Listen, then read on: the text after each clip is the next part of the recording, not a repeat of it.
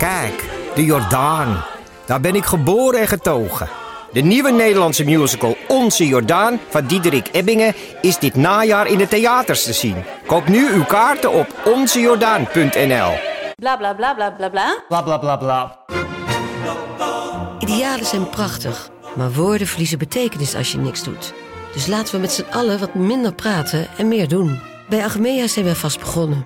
Zo gaan wij voor minder verkeersslachtoffers, gezonde werknemers en duurzame woningen. Waar ga jij voor? Kijk op www.werkenbijagmea.nl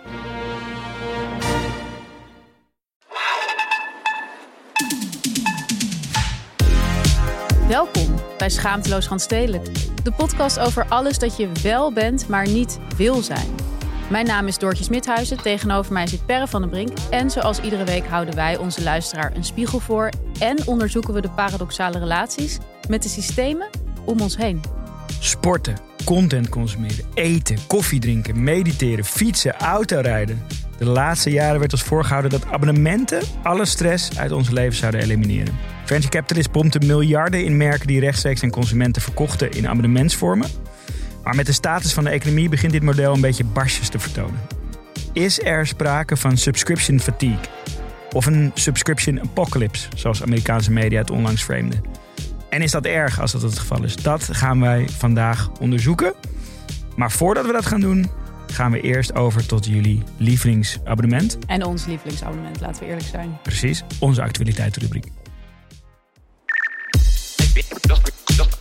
received in our news. Jij wil graag eh, nog een keer hetzelfde laten zien als Ja, vorige keer. Ik zal de, de, de, de luisteraars even inzicht geven in hoe dat hier eh, gaat. Ja. Vorige week heb ik ehm, in onze activiteitsrubriek iets gepitcht. Ik, ik beschouw het ook een beetje als pitches soms.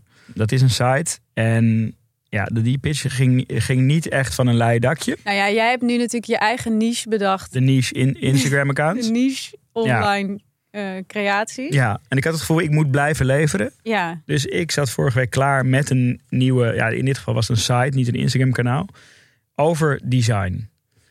Ik deed de pitch. De pitch heeft de, de edit niet gehaald. Timo Nee. heeft hem rugzichtsloos eruit geëdit. Ik reageerde ook heel overweldigd. reageerde, ik denk dat dat ook wel de, de, de, de reactie was inderdaad. Maar ja, Dus- ik, zit er, ja, ik zit er nu weer naar te kijken. Ik vind het gewoon...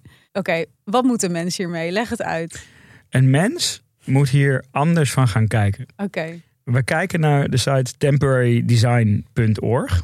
Ehm, dat is een eh, site van Chris Bartels, hij is een ontwerper. En op die site maakt hij eigenlijk een soort ode aan tijdelijke oplossingen voor dingen die verbouwd worden. Dus eh, hij heeft dat in een aantal categorieën eh, onderverdeeld. Mhm. Eh, trappen, deuren, façades, ramen, gordijnen, schermen. Maar laten we even met, met de categorie trappen, dat is mijn favoriete categorie, beginnen. Oh, is dat jouw favoriet? Ja. ja, want daar zie je dus huizen die in, ver- in verbouwing zijn, waarbij er eh, houten constructies om de trap te beschermen worden geplaatst. En hij maakt eigenlijk, hij zoomt in op die constructies. En daarmee laat, ja, voor mij werkt het in ieder geval dat ik denk, oh ja, grappig. Dit is natuurlijk ook design. En eh, ik eh, geniet daar echt van. Ik merk dat deze pitch wederom weinig bijval. Weet je wat eh, ik vooral... Het is inderdaad, het is heel hip. Het is heel gestileerd. ja, Ik heb een beetje... Je hebt nu zo'n bepaalde look die je heel veel ziet op straat. Van die gasten met zo'n vrij dunne zonnebril met dik frame. Van Prada Nek- nektasje erbij. mij.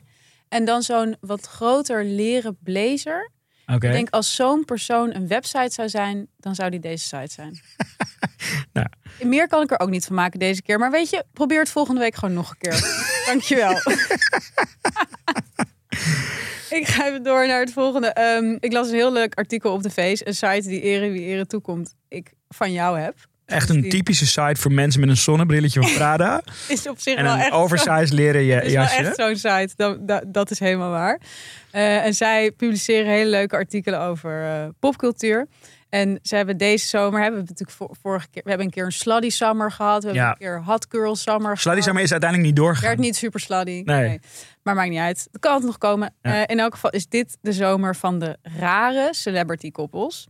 Ja, hebben zij gedoopt. En ik was het er gevoelsmatig eh, meteen mee eens. En na het lezen van het artikel helemaal. Ja, wat is het punt van het artikel? Nou, dat is eigenlijk gewoon het punt. Ja, ja, ja.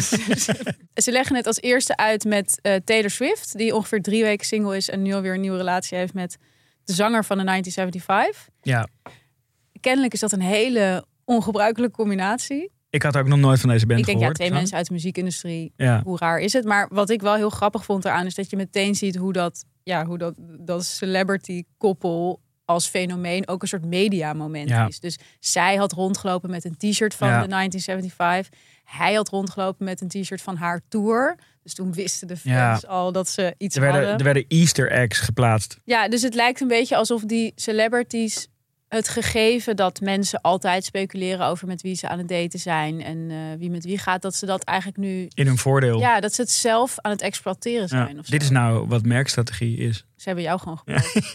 Timothée Misschien kan Chalamet ik er een leuk productje hiervan had maken. jou gebeld voordat hij zijn auto heel opzichtig voor het huis Ja. van Kylie Jenner zette.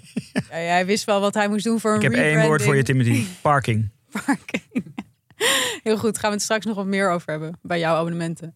Ja, en dan was er nog een soort heel raar nieuwsbericht. Namelijk een jongen, eh, ehm, ook een vrij vreemd profiel. Ex-Olympische sn- snowboarder turned YouTuber. Ja, wat moet je anders als je een ex-Olympische snowboarder bent? Fair enough. Nou, hij is YouTuber geworden. Ja. En eh, schijnbaar gingen de views mm, matig. Mhm. Want wat hij heeft gedaan, hij, hij is een eh, vliegtuig ingestapt. Ehm, en ehm, hij had een parachute om terwijl hij dat vlieg, in dat vliegtuig zat. En dat vliegtuig. Privévliegtuig was het volgens Ja, ja, gewoon een soort van klein Cessnaatje of zo. weet Mhm. ik waar je in leert vliegen, zeg maar, zo'n type vliegtuig. En dat vliegtuig is gecrashed. En er stonden wel gewoon vijf à zes camera's op, op alle kanten van dat vliegtuig. En hij had dus al een parachute om toen hij dat vliegtuig instapte. Dus hij springt er ook enorm snel uit. Dus de, de, de motor slaat af. En eh, ja, hij is nog geen minuut aan het proberen of, of de motor aan kan eh, komen weer. Of weet ik veel, contact opnemen met Mm. ground control. Of wat je dan ook in zo'n situatie... toch wil doen. Ja, precies. Als je Major toch Tom even bellen. ja, één keer in je leven mag doen, zou ik het wel doen. Ja, precies. Ja. Mayday. Maar nee, hij springt gewoon direct uit. En dat alarmeerde dus een beetje. Want hij zet vervolgens ook deze video online als een vlog ehm, eh, eh, getiteld. Weet ik veel, I crashed my plane of zo. Ja. En eh, nou, dat eh, deed een paar alarmbellen afgaan. En nu, nu is hij dus gepakt voor het faken van zijn vliegtuigcrash. Ja, hij heeft ook bekend eh, dat hij dat heeft gedaan. Is dat strafbaar? Ja, ik denk wel dat je het bezit van... Waarschijnlijk heeft hij dat vliegtuig gehuurd ergens. Oh, ja, ja, ja. En ik denk dat er ook opruimkosten... Ja, hij heeft het gewoon dat vliegtuig eigenlijk te pletter laten vallen. Toch ook tragisch eigenlijk hoe ver mensen gaan. Ja, ik vond dit wel een soort van in deze tijd van Jezus. Dat dit, dat dit is... Is het de moeite waard om te kijken? Nee. Oh. Ja, is- Nou, dankjewel. We gaan maar door naar de sponsor, denk ik. ja. Starbucks, Coffee Magic. Wil die chilled, chilled classics. Beetje mindful, wanna have it. Iced koffie in mijn kap, high fashion. Starbucks, Coffee Magic. Coffee Magic. Chilled classic. Chilled classic. We hebben het de vorige keer nog niet eh, benoemd, maar bij een nieuwe sponsor hoort ook een nieuwe track van Prax. ja, En ik moet zeggen, ik vind hem weer ongelooflijk. ja. Robijntje ook niet uitvlakken natuurlijk. Hè. Die heeft voor de vibes. Het is, het is echt sterk en ook weer qua teksten. Hij komt met mindfulness. Ja, hij houdt het eh, rele- cultureel relevant. En ook echt vernieuwend vind ik voor een Hij is Zuidas. aangegaan op de, de insights van, van de campagne. Ja, hij doet helemaal mee. Dankjewel daarvoor MC Prax, sowieso. En ja, dus Chilled Classics dus. Dat is onze nieuwe sponsor. Het wordt aanbevolen dat mensen elke 60 tot 90 minuten 10 minuten tijd nemen om te ontspannen. Met name Perre heeft daar van ons twee enigszins moeite mee. Dus vandaar dat we eh, op hem focussen. Bevaren op mijn eh, ervaringen. Vertel, wat- En in dit geval zelfs de ervaring van iemand anders. Mhm. Maar ik zag gewoon dat deze jongen een Starbucks Chilled Classics momentje beleefde. Mhm. Ik was afgelopen vrijdag op het zomerfeest van de crash van mijn dochter. Ze hadden er echt een enorm festival van gemaakt. Het was grenzeloos. Waar denken we aan? Thema country en western. lentekabinet voor kinderen. Veel opblaasbare kastelen en dingen. Er, er was echt, het hele terrein was bezaaid met, ja, het was echt een soort festivalterrein. En op een gegeven moment ging ik even naar binnen bij waar ze normaal gewoon de naastelse opvang hebben. En daar zat aan tafel een van ehm, de begeleiders met een stuk of drie kinderen. En dus ik dacht van, hè, maar er zijn overal springkastelen hier. Hoezo zitten jullie hier? Dus ik zei dat. En zeiden ze, nee, dit is de overprikkeld tafel. En ik zit aan het hoofd, zei hij. Toen dacht ik van, jongen, jij zou nu even een, eh, een chilled classic Had je van er maar Starbucks, eentje eh, bij je. Ik had hem niet bij me Ja, jammer. Maar bij deze spiritueel gun ik hem deze Starbucks Chilled Classics. Jij kan nu ook de Chilled Classics van Starbucks proberen. En via de links in de beschrijving vind je nog veel meer manieren hoe je kan ontspannen tijdens jouw 10 minuten break.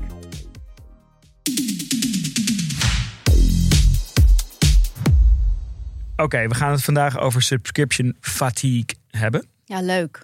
Eh, We ja, waren toch? ook weer toe, toch? Aan een we waren beetje. toe aan een beetje we zaten. Ja, we zaten de vorige keer, mag de luisteraar best weten van Ja. mij, na de klei-aflevering in de auto. Ja. Moesten nog een stukje door. We, vonden, eh, we waren, Waren- niet heel tevreden met onze performance. Hè? We zijn wel vaker kritisch op onszelf. We lopen best vaak hier naar buiten dat we zeggen, nou, dit was echt... Was top. Nee, ook was top, maar ook was echt ruk. Ja. Gewoon. En vaak valt het dan nog wel mee. Dan Meestal eh, trekt Timo het in de Timo, edit onze- volledig recht. onze totale ruggengraat, die, die maakt er nog wel wat van. Maar deze keer dachten we toch, oké, we moeten misschien toch niet het handenarbeidstuk en het inhoudelijke met elkaar willen combineren. Want Nee, het werd een beetje gezapig. het was, het, was het was inderdaad best moeilijk. Het was eigenlijk het bewijs van dat een hobby een, hobby, hobby moet Je, je zijn. moet niet een podcast gaan opnemen terwijl je die hobby nee, aan het het... is gewoon het- keihard werken. ja, dus dat gaan we nu doen. Dus we gaan weer terug naar de inhoud. Ja, toch naar de kern. En we gaan het over abonnementen hebben. Abonnementsmodellen, ehm, direct-to-consumer brands. Eigenlijk allemaal eh, van dat soort dingen.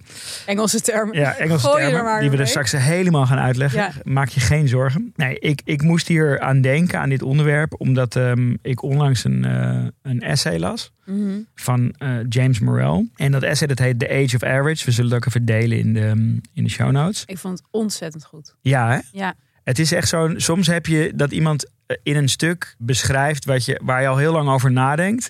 En in dit geval ook nog op een hele simpele. Het was niet een soort hoogdravend eh, geschreven stuk of zo. Maar het was gewoon heel treffend en simpel. ja, het zijn eigenlijk allemaal dingen die je al wel weet en voelt, maar onder elkaar gezet op een manier dat het toch weer heel erg Ja. resoneert. Nou, het heet dus The Age of Average. Het gaat eigenlijk over blending, waar we ook al een keer een, Mm. een aflevering over hebben gemaakt. Ehm, en als je het een beetje vrij zou samenvatten, dan zegt het eigenlijk dat wij, ja, wij leven natuurlijk al jaren in een soort algoritmische realiteit. En in die wereld wordt ons eigenlijk alleen maar voorgeschoteld wat wij al gaaf vinden. Mhm. Of wat we al mooi vinden of goed vinden. Eh, en dat wordt de hele tijd geoptimaliseerd. In plaats van dat we verrast worden met originele en nieuwe eh, dingen. En op die manier komt alles er hetzelfde uitzien. En wordt alles eigenlijk gewoon geoptimaliseerd. Dus alles wordt average. Zeg maar simultaan aan deze ontwikkeling loopt dus ook de opkomst van die abonnementsmodellen voor alles. Omdat ook daar eigenlijk alles uitgeoptimaliseerd wordt. En average wordt gemaakt om jou als soort van slapende consument ja, eigenlijk binnen te houden. Mhm. Eh, dus we dachten, dat is een, dat is een leuk eh, onderwerp om het eens ehm, over te gaan leuk hebben. onderwerp. En zeker omdat jij dus al hebt waargenomen dat er ook sprake is van subscription fatigue, toch? Dus dat we ook weer een beetje weg willen van Ja. die abonnementen. Ja, ja, dus in COVID is er, is er een enorme eh, groei geweest van subscriptions. Eh, maar als je analisten nu moet geloven, dan, dan is er dus nu sprake van subscription fatigue. Of één stuk zei zelfs een subscription apocalypse is, Ja. eh, is approaching us. Maar moeilijk visualiseren. Ja. Subscription apocalypse. nou ja. En laten we beginnen bij, laten we het klein houden. Dicht bij onszelf. Ja. ja. Ervaar jij subscription fatigue op dit moment in jouw leven? Niet per se. Maar goed, dat komt ook omdat ik niet super veel abonnementen heb. Ja, Dat wil zeggen, vergeleken met sommige andere mensen heb ik er niet heel veel. We hebben namelijk onze eigen abonnementen even opgeschreven. Ja. Daar heb je ook een handige tool voor bij het Nibud. Mocht je dat willen. Ja, die- die- Handig, hè? Ja, nou, ik vond hem niet super handig. maar het is een Excel-sheet wat je zelf moet invullen. Maar Ja, nee, is misschien de achtergrond. Nibud he- heeft een, heeft een Excel-sheet gemaakt waarmee je je subscriptions in kaart kunt brengen. Uit onderzoek blijkt dat mensen heel erg onderschatten wat ze aan subscriptions Ja. uitgeven. Ja, en jij stuurde mij dat door. En ik ben natuurlijk inmiddels gewend dat jij alles premium aan mij aanbiedt. Ja. Dus ik was enigszins teleurgesteld Ja. dat ik zelf het Excel-sheet moest invullen. Ik snapte dat wel. Maar er kwam wel weer een leuk start-up idee uit. Ja, Namelijk een tool. die subscriptions in kaart brengt. Ik neem aan dat jij dat heel snel gaat Ja. maken. Ja, komt eraan. Goed, ik heb mijn eh, abonnementen eens even op, onder elkaar gezet. Nou, ik schaam me er niet voor. Ik ga ze gewoon voorlezen. Hm? Mhm. Netflix betaal ik volgens mij 12 euro voor. Dat is sowieso mijn duurste abonnement voor hoeveel ik er naar kijk. Namelijk Mm, nooit. Nee? Nee, echt nooit. New York Times 11 euro, Atlantic 11 euro, Volkskrant 18 euro. Wow.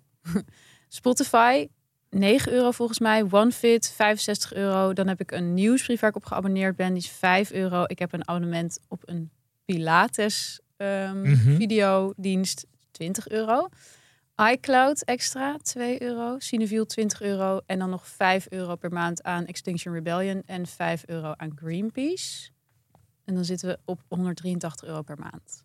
Ja, een vrij schrijnend contrast met, eh, met mijn abonnementen. Kom maar door. Heel veel streamers. Eigenlijk alle streamers. Net- Netflix. Netflix, HBO Max, Videoland, Disney+, Plus, NPO+, Plus, Podimo, Spotify, ben ik nog vergeten. Ja, KPN, gewoon televisie, New York Times. Betaal ik wel echt een stuk minder voor dan Ja, jij. 4 euro maar. Eh, Monocle, Courier Magazine, Fantastic Man, Good Sports, een soort sportmagazine. Ziek veel parkeerkosten bij Park Mobile. Ik heb ook een, een auto-abonnement. De Soho. House, Boksen, de Havermelk Elite, Studio Socrates, Charlie Cares, de Oppa-service, eh, Google, iCloud, Apple Arcade, Maar- HBOK, de voetbalclub van mijn zoontje, Museumjaarkaart, Albert Heijn Premium. Ik had het wel stelselmatig onderschat. Zoals, ik, ik was wel een van, een van de mensen uit de statistiek die het echt ongelooflijk onderschat had. Ik geef bij elkaar 1250 euro per maand aan deze dingen uit. Maar ik, ik verbaas me wel over een aantal abonnementen van jou. Want waarom betaal jij 10 euro per maand aan Google? Ja, dat is gewoon voor, voor, voor cloud en zo. Oh, Gewoon voor op, data maar wat is dan iCloud? Ook. Ook. Oh, Oké. ik dacht heel even dat jij de enige was die dacht dat hij moest betalen voor Google. Voor Gmail Zoals gewoon. zo- zo'n voetballer die dan eh, in een, in een nationaal team zit en als enige nog een contributie betaalt. nee, nee, nee, nee. Dit is gewoon Ja. eh, data storage. maar welk van deze abonnementen, wat je zegt, je vindt het te veel, welke zou je dan wegdoen? Nou, zeg maar, deze hele aflevering voor mij is eigenlijk een. Ik, kijk, ik ben best wel fan van abonnementen. Want ik vind Mhm. abonnementen een vorm van loyaliteit. En ik vind loyaliteit een waarde die in onze cultuur best wel onderschat is. En, en die mensen niet genoeg bezigen, als je dat kan zeggen. Dus ik zou meer abonnementen op onafhankelijke dingen willen hebben. Dus ehm, podcasts, media, kleine sportclubs, weet ik wat. En minder op grote systemen. Ja, wat gewoon puur convenience en, en, en gemakzucht is of zo. Ja, nou ja, dat is wel. Kijk, ik heb, ik heb wel best wel moeite eigenlijk met dat abonnementsmodel en die manier van. De manier van leven eigenlijk die er vooral uit voortkomt. Want eigenlijk zie je dat dat abonnementsmodel, het leidt ook tot een soort mens. Namelijk volgens mij gewoon een mens zonder wortels. Weet je, als je Mhm. kijkt hoe je nu in de stad leeft. Je hebt een abonnement op Swapfiets. Weet je wel, je sport met OneFit. Je eet via thuisbezorgd. Je kijkt een film via Netflix. Je werkt in een WeWork. Je kookt met HelloFresh. Weet je, alles wat je doet is eigenlijk lean en mean georganiseerd. En creëert ook een leven wat je zo kan oppakken en weer kan meenemen naar een andere plek. Al Ja. die dingen kan je ook op een andere plek in dit land of zelfs in het buitenland gewoon weer activeren Ja. als je bent verhuisd. Dat is ook de belofte die ze vaak maken, toch? Van Ja, en ik denk dat dat, dat is ook aantrekkelijk, want het zorgt voor comfort, maar het zorgt, zorgt denk ik ook heel erg voor vervreemding. Ik bedoel, eigenlijk het enige wat we nog bijna over hebben om te verbinden met de plek om je heen en de mensen om je heen, is hoe je consumeert. Mhm. En op het moment dat dat inderdaad, ja, dat de keuzes die je daarin maakt, je eigenlijk uit handen worden genomen door die abonnementsmodellen. Maar is dat zo? Want Ja, als, als, als, als flexibiliteit een van de kernonderdelen van die abonnementen is, dan, dan wordt jou de keuze toch niet per se ontnomen. Je kan, je kan toch, volgens mij is het juist de afgelopen jaren meer zo geworden dat je eh, niet van die ellenlange opzegtermijnen hebt, maar dat je juist. De, de consumentenbescherming is ook wel groter geworden wat dat betreft. Ja, ik vind Swapfiets altijd een goed voorbeeld. Weet je, Swapfiets belooft heel erg autonomie. Weet je wel, van je hebt nooit meer een kap- kapotte fiets. Je kan altijd meteen fietsen. Maar ik heb het idee dat het juist ook heel veel autonomie afneemt. Want je zit ineens vast aan een abonnement. Ik bedoel, als ik kijk naar mijn fiets. Niet dat dat het allerbeste voorbeeld is, want die is ook al vaak kapot.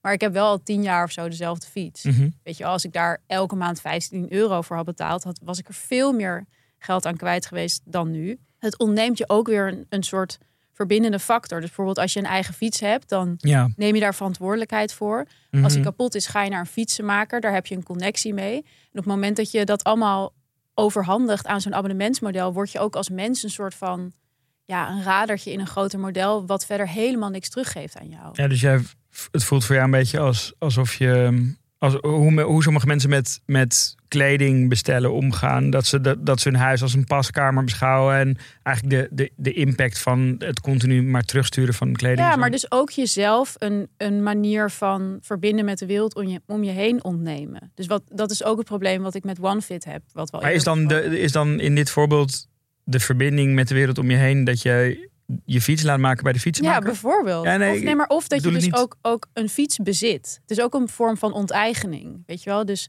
het idee van dat je een eigen fiets hebt, is volgens mij ook een vorm van autonomie hebben als mens. Ja, ik zit te denken. Nou ja, het is hetzelfde als wat, wa- het, het, het probleem wat ik heb met OneFit, ook al gebruik ik het zelf. Maar dat je dus, als je altijd naar dezelfde sportschool gaat, dan creëer je een verbinding met die sportschool, met de mensen die Mhm. er zijn. Maar doordat je met OneFit sport, ben je altijd op een andere plek. En heb je weliswaar een heel comfortabel systeem om je heen, maar heb je niet een, ja, zou maar zeggen, je creëert geen grond onder je eigen Ja, voeten en, en die dat- van een ander. Daar, daar, daar, ik hink een beetje dus op twee benen, maar ik ben het dus helemaal eens met dat. Mhm. Want voor mij is dat, dat wat jij zegt van een mens zonder wortels, is voor mij eigenlijk het, dat loyaliteitsding wat ik bedoel. Van, Ja, Ik vind het ook vet om te zeggen van dit is mijn fietsenmaker, hier ga ik gewoon, hier, voor deze persoon kies ik. ja. Eh. ja, nou ja, maar echt. Ja. Ja, en, en hier ga ik gewoon altijd als er iets is naartoe. En, Ja. en, en dat wil ik ook belonen als het ware, dat daar gewoon een goede service plaatsvindt. Ook als het misschien voor 1 euro minder kan via een abonnement. Maar aan de andere kant, zo, in sommige gevallen eh, eh, geeft je zo'n abonnement je wel ook misschien autonomie. Van, autonomie van mobiliteit, van je kunt, het, je kunt het inwisselen voor iets anders als je het niet meer nodig hebt. Dat, dat is ook een soort van Ja, het is denk van- ik ook wat je, wa- wat je beschouwt als autonomie. Zeg maar, ik vind bijvoorbeeld, je hebt natuurlijk ook, bijvoorbeeld ook als je een abonnement hebt op Soho House, kan je in elke stad waar een Soho House is, kan je heel makkelijk die Soho House gemeenschap in. Dus Mhm. ook een soort abonnement op ja, een soort van eh, ready-made sociale omgeving. En ik denk, enerzijds is dat heel prettig, want je hoeft je dan niet ongemakkelijk te voelen in een nieuwe omgeving. Maar anderzijds ontneem je jezelf dan ook weer eh, de mogelijkheid om je te ontwikkelen op een plek die je nog niet kent. Ja. Om juist in dat om te ongemak... ontdekken. nou, om juist in dat ongemakkelijke moment te treden van oh, ik moet op, weer opnieuw mijn houding geven in een nieuwe wereld. En als je overal waar je komt in dezelfde geprivilegeerde omgeving eigenlijk terechtkomt, dan ontwikkel je je denk ik ook minder als mens.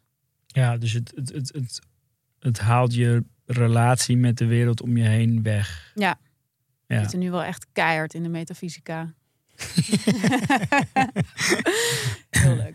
Nee, dus daarom, ja, ik, ik, ik verwelkom die subscription fatigue. Dus ergens wel. Ik, ik, ik leef niet in de illusie dat. Ik denk dat het voor heel veel mensen gewoon een geldding is. Dat niet heel veel mensen denken, Mm. oh, mis de Ja, verbinding. ja, ja, ja. Maar ik verwelkom het wel. Ik denk wel, laat maar komen, die, eh, die apocalyps. En het grappige is, wij hebben het hier al best wel vaak over die creator economy gehad. Mhm. En eigenlijk ben ik de laatste tijd, eh, merk ik dat ik steeds meer me begeef in die creator economy. Ja. Terwijl ik heel eerlijk gezegd eerst dacht van, nou, ik moet het nog zien hoor. Of we allemaal, Je suis creator economy. nou, of we allemaal die creditcard gaan pakken en dan daar echt... Maar ik doe dat nu dus Ja. wel. Dus ik heb nu bijvoorbeeld ehm, abonnement op een, ja, op een Pilates lerares eigenlijk gewoon genomen. Een Mhm. Franse chick. Ehm, en daar betaal ik dus 20 euro per maand voor, best wel veel. Ja, relatief heel veel. Ja, maar dan krijg ik dus wel elke maand allemaal best wel goede Pilates-video's. waarin je in eh 15 minuten weer even het gevoel hebt dat je al je gewrichten Ja, een dienst bewezen Ja. hebt. En ik, ja, ik merk dat ik dat wel heel prettig vind. Eigenlijk prettiger dan zo'n OneFit-abonnement waar je. Ik heb met dat OneFit ook de ontzettend irritante eh, neiging om nooit in te checken. Want ik laat mijn mobiel altijd thuis als ik dan ga sporten. Dus ik betaal ook echt minstens de helft van dat abonnement nog aan boetes. Oh, want als je niet Ja. inject, maar wel naar de les gaat, dan... Dan krijg je altijd een boete. Oh ja. Dus dat heb ik altijd. Ja, ja, ja. Maar volgens mij zegt dit voorbeeld ook van dat je, jij, jij voelt een soort bijna trots in het aangaan van die direct, eh, di- directe relatie met die Pilates. Ongelooflijke trots. Ja, nou ja, je, bent- je bent in ieder geval, dat is, dat is een veel waardevollere Mhm. relatie Ja, dan eh, onderdeel zijn van dat klaspas systeem, wat jou ook nog boetes geeft en wat er eigenlijk die loyaliteit ook heel weinig teruggeeft aan jou of zo. En daar ben ik het echt, echt helemaal mee eens. En volgens mij komt deze hele trend ook, heeft zijn wortels een beetje in, in, in juist in merken die eigenlijk een rechtstreekse relatie met hun eindconsument aan zijn gegaan. In plaats van dat ze zo'n eh, platform of een middleman of een retailketen ertussen eh, zetten. Want je had in 2012, toen had je gast eh, Michael Dubin. En hij had een scheermesjesbedrijf opgezet. Dollar Shave Club heet het. En dat was eigenlijk gewoon een heel simpel abonnement op scheermesjes. En hij ging dus strijden tegen Gillette, want hij wilde dat het groot ging worden. Nou, Gillette heeft ongeveer een monopolie op die, op die Mhm. markt. En hij had toen een geinig videootje gemaakt voor 4000 dollar. Best wel een grappige commercial, we kunnen hem ook even delen. En dat ding ging toen helemaal viral. eh, omdat het gewoon een heel leuk eh, filmpje was. Mhm. En dat was ook het begin van de, de enorme vlucht die dat merk maakte. Eh, en binnen vier jaar verkocht hij dat Dollar Shave Club voor een miljard aan Unilever. Oh, echt? Ehm, dus ehm, hij liet toen zien van... Hey, je kan dus met zo'n abonnementsvorm... kan je in een, in een markt waar best wel grote spelers... en bijna monopolies zijn... gewoon tornen aan die macht. Ja, en het is dus grappig dat mensen het willen. Want je ziet ook wel echt van die hele bizarre abonnementen toch ontstaan. Zoals bijvoorbeeld, ik weet nog dat er drie jaar geleden kwam dat kaarsenabonnement een beetje op. Mhm. Ik dacht, nou, wie gaat dit nou doen? En Ja. nu zag ik het, dat het dus super Ja. succesvol is. Dat Ja. mensen een abonnement nemen op kaarsen. Ja, ja dat, die, dat zijn echt van die pure convenience abonnementen. Dus dat, dat je gewoon denkt van ja, oké, wat koop je de hele tijd Ja, en- zonder dat je het door hebt? En wat ook dus heel populair is, zijn van die boxen met allemaal van die make-up dingetjes. Ja. Van die, dat noemen ze dan ook een verrassingsbox. Ja. Weet je, Ja, ik denk, dat je, betaalt gewoon voor restproducten Ja. van de cosmetica-industrie. dat zijn echt, de- daar ben ik, dat zijn echt de meest stupide abonnementen die er gaan bestaan. super goed. Ja, ja echt die vind ik ook echt vreselijk. Maar die, maar die Dollar Shave Club liet Mhm. dus de markt zien van... hey, hier zit wel, hier zit wel iets. En met, met het succes van, van Dollar Shave Club... kwamen er dus allemaal van die direct-to-consumer merken op... eh, die ook gewoon heel veel eh, investeringen gingen ophalen. Omdat die investeerders dachten van... hey, abonnementen hebben ook echt een heel duidelijk voordeel natuurlijk. Hè? Je hebt gewoon Ja. een hele stabiele en voorspelbare Mhm. omzet...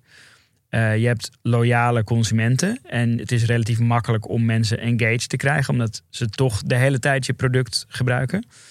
En je hebt heel veel data over, over, ehm, eh, over die consument. En zo werden steeds meer producten eh, eigenlijk een abonnementsvorm. Dus Ja. bijvoorbeeld in de software zijn nu 80% van alle software is een abonnement geworden. Dus dingen als, weet ik veel, Photoshop. Vroeger was dat een soort grote investering voor ontwerpers of zo. Dat ja. kocht je dan. Nu heb je gewoon Adobe eh, Creative Cloud. eh, dat je gewoon in één keer een abonnement op al die dingen neemt. En eh, dat hou je dan gewoon. Mhm. Ehm, dus zo, zo, zo- zo zijn mensen er en vooral ook investeerders ernaar gaan kijken. En toen kwam ineens COVID.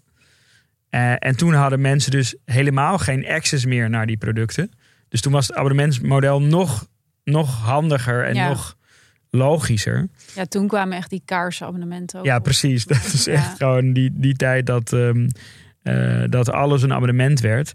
En ehm, dat was ook de tijd dat geld heel makkelijk op te halen was. Dus als, je, als jij in je businessplan een abonnement dingen, dan werd het, dan werd het zo, zoveel makkelijker om een. Ja, eh, mensen verveelden zich dood. precies. Laat ons in godsnaam ergens Ja. in investeren. En overal waren, waren, waren steun, eh, eh, was er steun, dus die inkomens bleven wel ongeveer gelijk. En toen werd alles, ja, dat software voorbeeld wat ik net zei, dat, dat heet dan SaaS, Software as a Service. Mhm, En toen werd alles ineens, in plaats van de letter S, maar dan A's. mhm. Dus je hebt Kaas, Kitchen as a Service.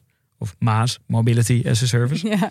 Eh, en zo ontstonden er echt de meest rare abonnementen. Dus in, in onze research kwamen ook echt dingen tegen als augurken. Ik zou best wel een augurkabonnement. Ja? Ja, ja, daar maak ik echt een uitzondering voor. Ja? Ja, I love augurken. Nou, dan wil ik een leuk verjaardagscadeau voor jou. Het is wel echt een leuk verjaardagscadeau. Ehm, nou, tandenstokers, kruiden, zeep. Overal zijn abonnementen voor. Ja, en dan op een gegeven moment worden natuurlijk gewoon de grote, machtige partijen wakker. Die denken van, hé, hey, hier gaat even iets mis. Hè, Gillette bijvoorbeeld. Mhm. Wij moeten dit ook gaan doen. Nou, dat was natuurlijk ook de reden dat Dollar Shave Club aan Unilever werd verkocht. Mhm. Eh, dus dan ontstaan er echt hele andere dynamieken in die, in die wereld. Daar gaan we het over hebben. Maar eerst, Maar eerst een hele verrassende sponsor.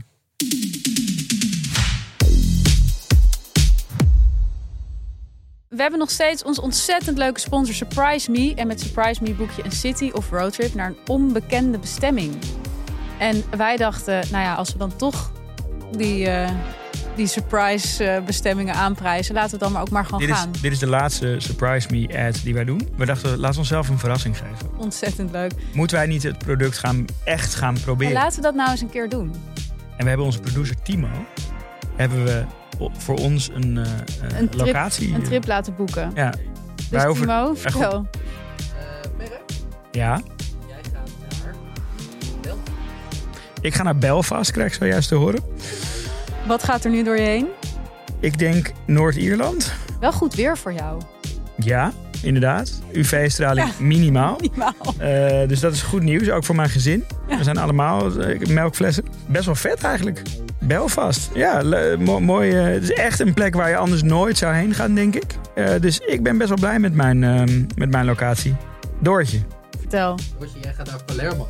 Nou, dat is helemaal iets voor mij. Ben ik al een keer geweest. Geweldig, ik ook. Ja? Maar ik hou van plekken waar ik al ben geweest. Ja, oh ja. Ik ben dol. ik hou van aarde, Ja. wortelen. Wel een lekker stadje. Lekker, lekker grimmig stadje. Heerlijk. Ja. Ik veel maffia. Ja. Ook dol op. Probeer het nu zelf. Surprise me met 50 euro korting. Je vindt de korting via de link in de beschrijving. En die is geldig bij een minimale besteding van 250 euro. Te gebruiken tot en met 30 september 2023. En niet alleen in Nederland geldig, maar ook in België. Link in de show notes. Verras jezelf.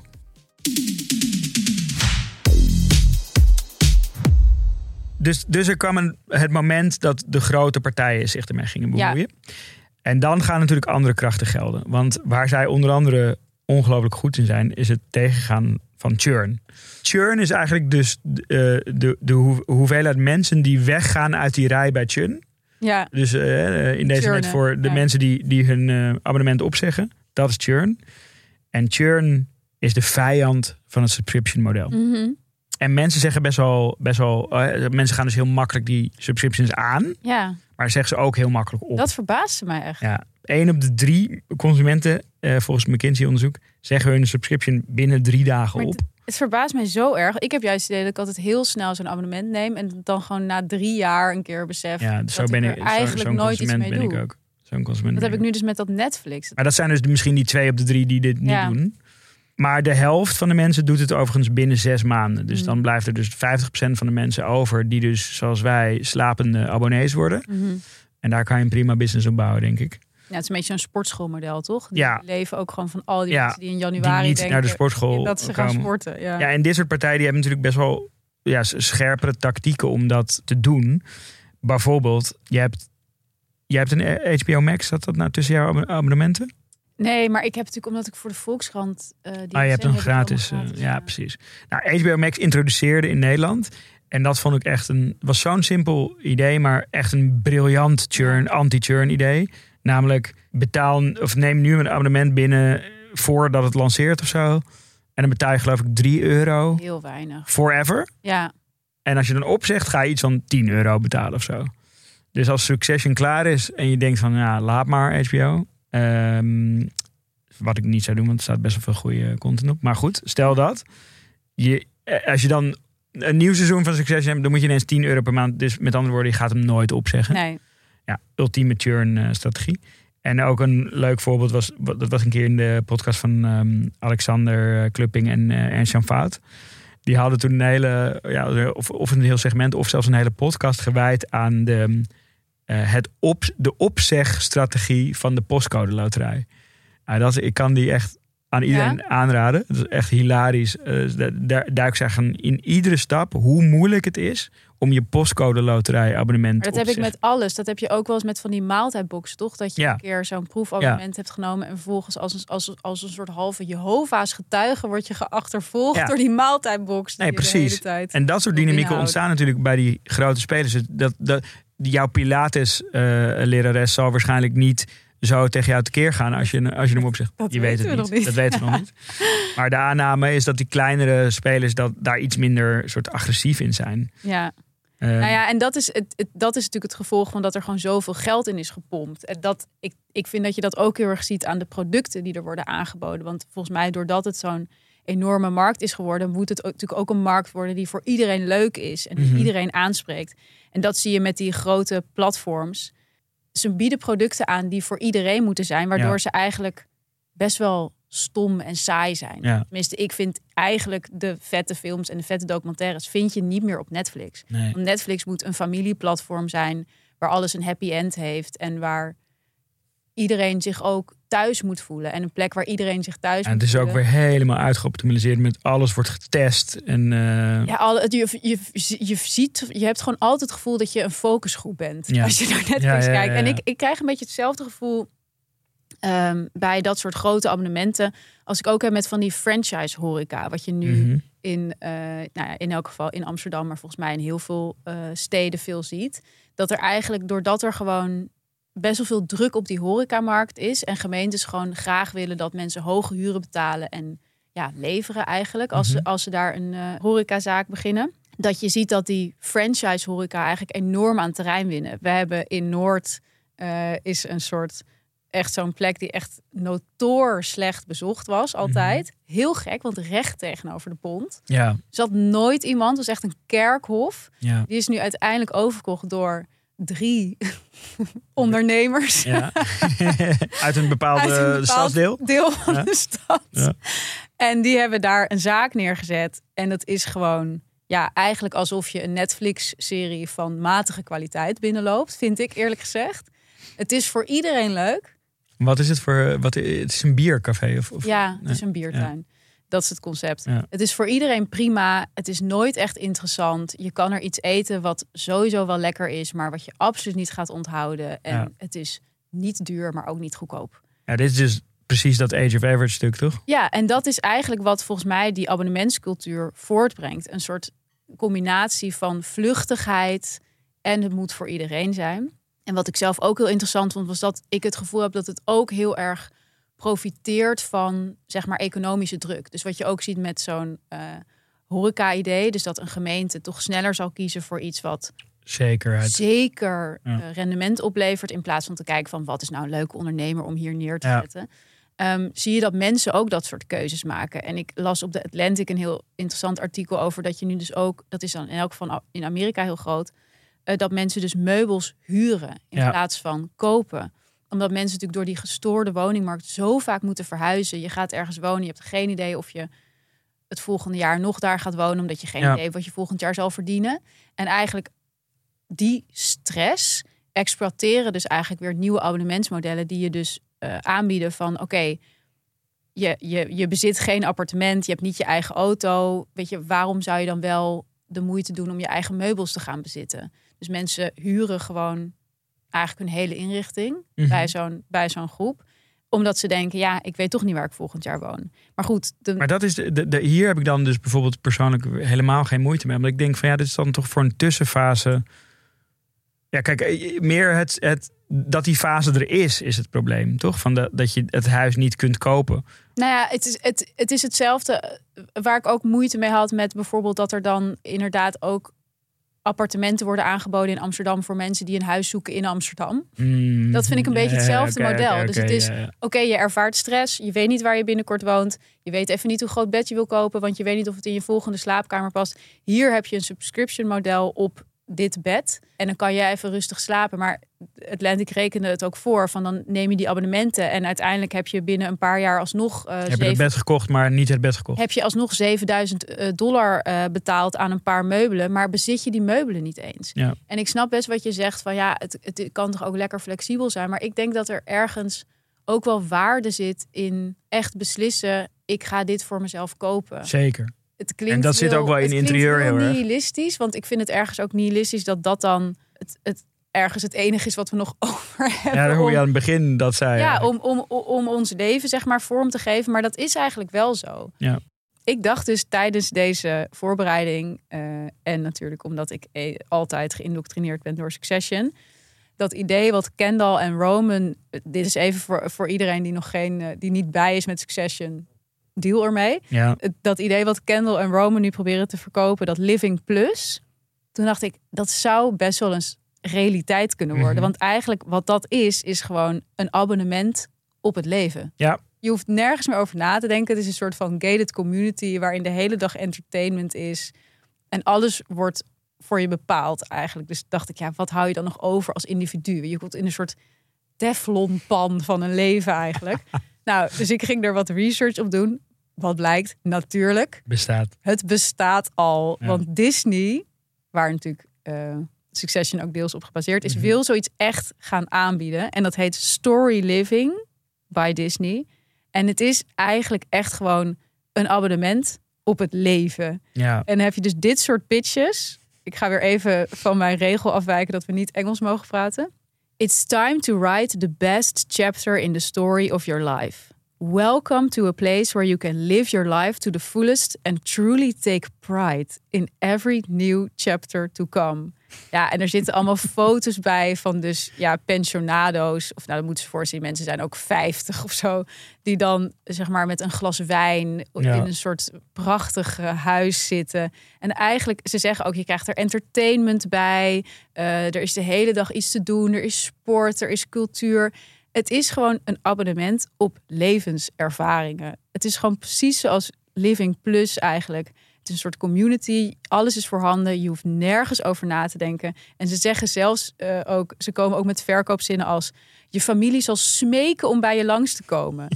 Wat een verschrikkelijke manipulatieve zin. Het is gewoon echt een soort Er staat ook de Disney touch is at the heart of it all. Ja, maar het is, het is eigenlijk, want ik las er ook een, een, eh, een grappig artikel over op Vulture. En zij noemen het womb to tomb subscription. Dus gewoon Mhm. je hele leven heb je eigenlijk een abonnement op Ja. Disney. Want je kijkt Disney als je klein bent, dan word je ouder, laat je Disney zien aan je kinderen. En dan laat je je onderdompelen in een Disney-wereld om je oude dag nog enigszins. Ja, ik zit hier momenteel middenin, want je hebt dus op de Donald Duck, hè, eh, dat is ook Mhm. een van mijn eh, abonnementen. Maar die hebben dus nu ook Donald Duck Junior. Voor als je net niet of net wel kunt lezen.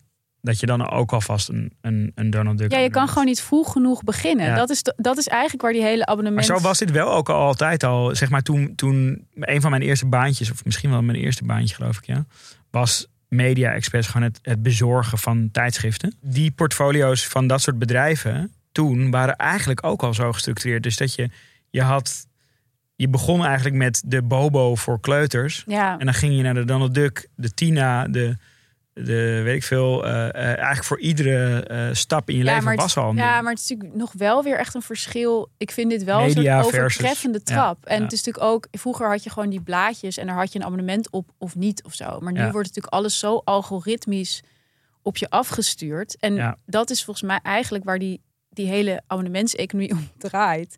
Is dat mensen door die systemen waarin ze opereren eigenlijk totaal spiritueel geërodeerd raken. En vervolgens daar oplossingen voor gaan zoeken. En die worden ze dan aangedragen in de vorm van zo'n abonnement. Weet Ja. je, dat vind ik heel erg met dat Disney-abonnement. Dus eigenlijk zeggen zij van... hey, ben jij eenzaam en zie je geen enkel doel meer in je leven ook kut? Ja, neem dan een levensabonnement. Zodat al die problemen in elk geval gevoelsmatig voor je worden opgelost. Ja, en met heel, al dit soort dingen, vind je hebt dan ook weer ehm, tegenreacties. Inderdaad, een, een hele grappige die ik vond was een service die dan je overtollige abonnementen ehm, gaat afzeggen voor je. Geweldig. Dit is het anticapitalistische platform waar je een abonnement op kon nemen. Ja, precies. Precies. Ja. Want dit kostte gewoon 30 euro per abonnement. Dus als, als je, eh, eh, nou, ge- volgens mij tussen ons genomen gemiddeld denk ik 20 abonnementen of zo. ja.